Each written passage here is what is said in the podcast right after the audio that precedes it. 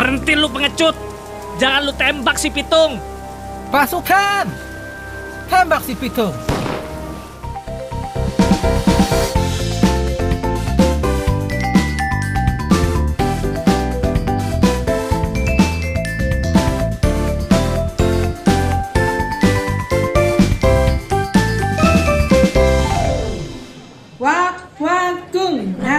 Nasi jagung, lalatnya daun kangkung, gangginggung. Kalian tahu permainan wak wakung tidak? Kita main itu aja gimana? Iya, yuk main. Kalian sedang main apa anak-anak? Main pit alay pit kuda lari ke birit-birit, Bu. Bukan kebirit-birit bagus, yang betul kejepit-jepit. Itu salah satu permainan khas Betawi. Oh iya, kalian tahu si Pitung tidak? Jagoan asal Betawi. Ceritain dong, Bu. Di suatu kampung di Rawabelong, tinggallah keluarga Pak Piun yang memiliki tiga orang anak dan akan bertambah satu lagi. Suatu hari, Pak Piun sedang duduk beristirahat di teras rumahnya setelah seharian bekerja di sawah dan ditemani oleh Bu Pinah yang sedang hamil. Bentar lagi anak kita lahir ya, Neng. Iya bang, semoga nanti anak kita lahir dengan sehat ya bang. Amin, iya, Neng. Dan semoga anak kita menjadi anak yang berguna ya, Neng. Amin, amin, amin, amin bang. Eh tapi bang, kenapa padi-padi yang baru dipanen selalu aja dirampas tuh sama anak buahnya Babelim? Biarlah, Neng. Lagian kita juga masih punya padi. Jadi kita nggak usah khawatir ya, Neng. Dalam hati kecil, Pak Piun pun sebenarnya sedih melihat kondisi tersebut. Tapi Pak Piun hanyalah rakyat biasa dan tidak bisa melawannya. Di kampungnya, Babah Liem adalah seorang partikelir tanah yang berkuasa. Ia memperoleh tanah tersebut melalui pembelian dokumen dari pemerintah Belanda serta kesediaannya untuk membayar pajak kepada Belanda. Selain itu, Babah Liem memperkerjakan centeng-centeng dari kalangan pribumi yang bertugas menagih pajak dan mengambil hasil ternak serta kebun warga. Warga pun tidak bisa berbuat apa-apa apabila mereka merampas semua hasil panen dan ternaknya. Serahkan ayam itu pada kami. Berikan juga hasil panen lo hari ini. Katakan gue bakar semuanya. Beberapa hari kemudian, Bu Pinah melahirkan putranya dan ditemani oleh Pak Piun. Bang, bang, anak kita udah lahir. Wah, syukurlah, Neng. Kita beri nama Pitung ya, Neng. Semoga kelak Pitung bisa jadi orang yang berguna dan juga taat pada agama. Iya bang, Pitung beranjak dewasa, dididik dengan baik, diajarkan tata krama kesopanan, ia rajin beribadah dan juga rajin membantu bapaknya di sawah. Ia juga sering membantu tetangganya jika ada masalah. Pitung adalah salah satu murid kesayangan Haji Naipin, seorang guru yang dihormati di Rawabelong. Seluruh ilmu Haji Naipin diajarkan kepada Pitung. Haji Naipin bahkan memberikan ilmu Pancasona, sebuah ilmu kebal senjata. Pitung, gue ajarin lu ilmu Pancasona. Ilmu ini bisa bikin lu kebal dari macem-macem senjata. Gue harap ilmu ini bisa lu gunain baik-baik. Supaya bisa ngebantu sesama manusia. Baik Pak Haji, Aye akan gunakan ilmu ini dengan baik dan benar. Terima kasih Pak Haji. Atu lagi Pitung, lu kagak boleh sombong. Hargai dan hormati orang-orang yang ada di sekitar lu. Baik Pak Haji Guru. Pada suatu hari, Pitung melihat sendiri kesewenangan centeng-centeng Babah Liem sedang merampas semua hasil panen dan ternak tetangganya. Ia pun geram dan ingin sekali memberinya pelajaran. Namun, ibunya melarangnya. Apalagi sekarang yang mereka rampas. Ayah sudah muak melihatnya. Mau ke mana lu Tung? Jangan ke sana nak. Mereka pasti bakal dapat ganjarannya sendiri ntar. Tapi Nya, Ayah sudah tidak tahan lagi melihat perbuatan mereka kepada warga. Semena-mena mengambil hasil panen dan ternak. Pitung pun mematuhi nasihat ibunya dan mengurungkan niatnya untuk menghajar centeng-centeng itu. Akan tetapi, di lain hari ia menyaksikan kembali hal yang sama dan Pitung sudah tidak bisa menahan amarahnya. Dihampirilah centeng-centeng itu. Hei pengecut, letakkan barang-barang itu. Kenapa lu pada merampas harta orang lain? Heh, siapa lo? Ini bukan urusan lo. Lebih baik lo enyah dari sini. Kembaliin tuh barang-barang. Berani lo. Ah, berani lo. Lo kagak tahu siapa kami. Berani-beraninya membentak kami.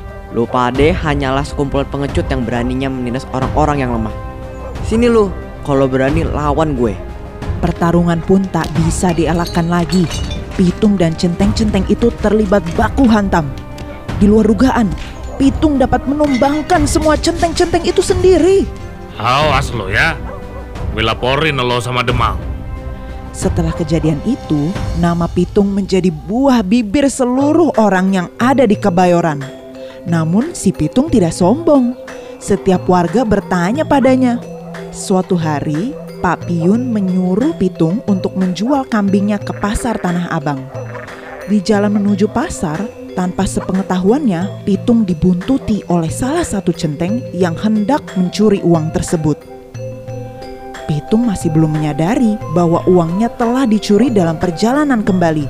Ketika ia pulang ke rumah hendak memberikan uang itu, Pitung panik.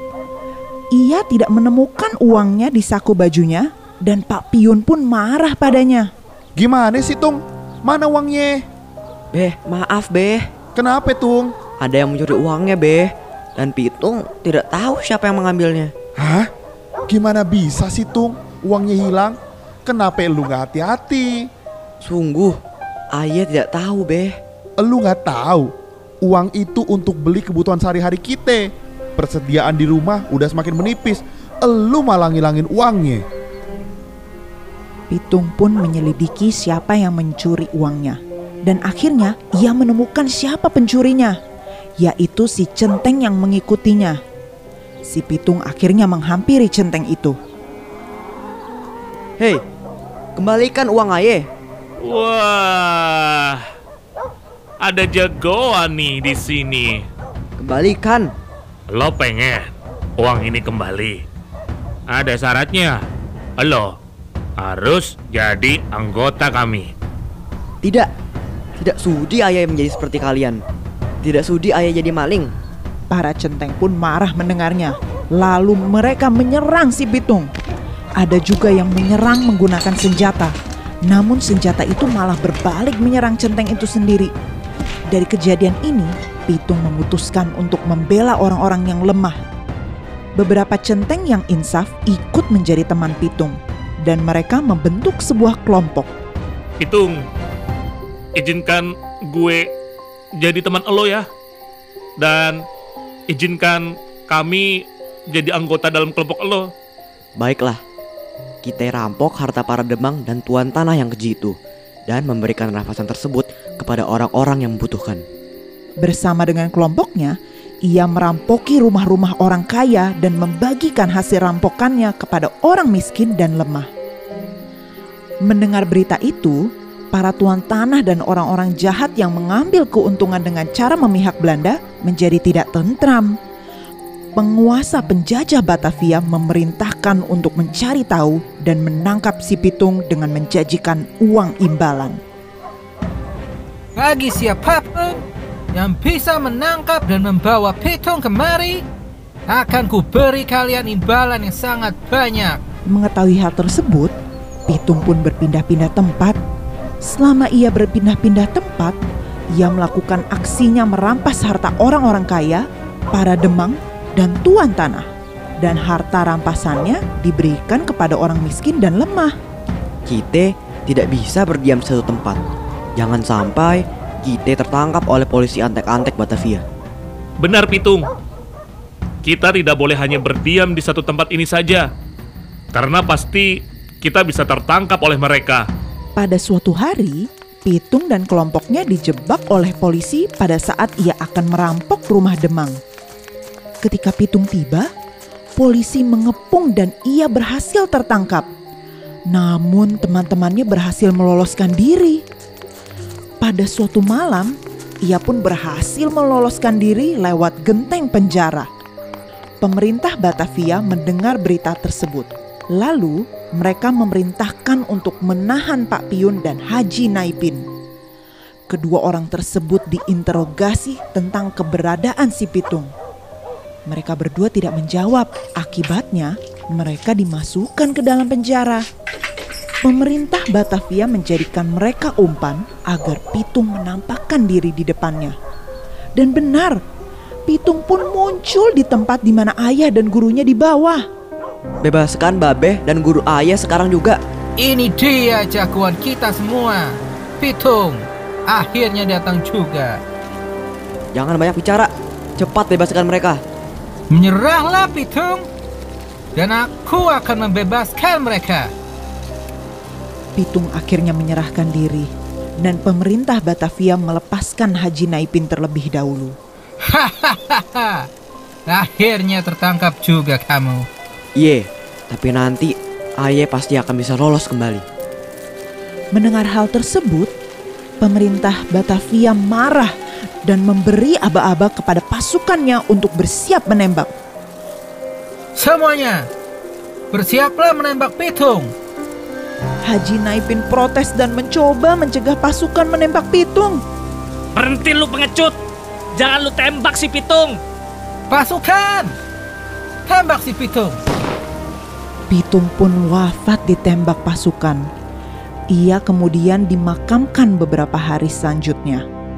Banyak orang yang berdoa dan mengiringi pemakamannya.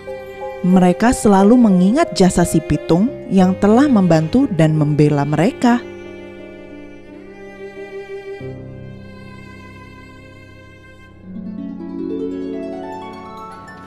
Jadi seperti itu anak-anak cerita seorang pitung si pemberani dan pembela kaum yang lemah. Kita sebagai sesama manusia harus saling membantu, apalagi kepada orang-orang yang lemah. Kita tidak boleh menindas mereka. Aku ingin menjadi pitung, Bu. Selain membantu yang lemah, tapi juga jagoan.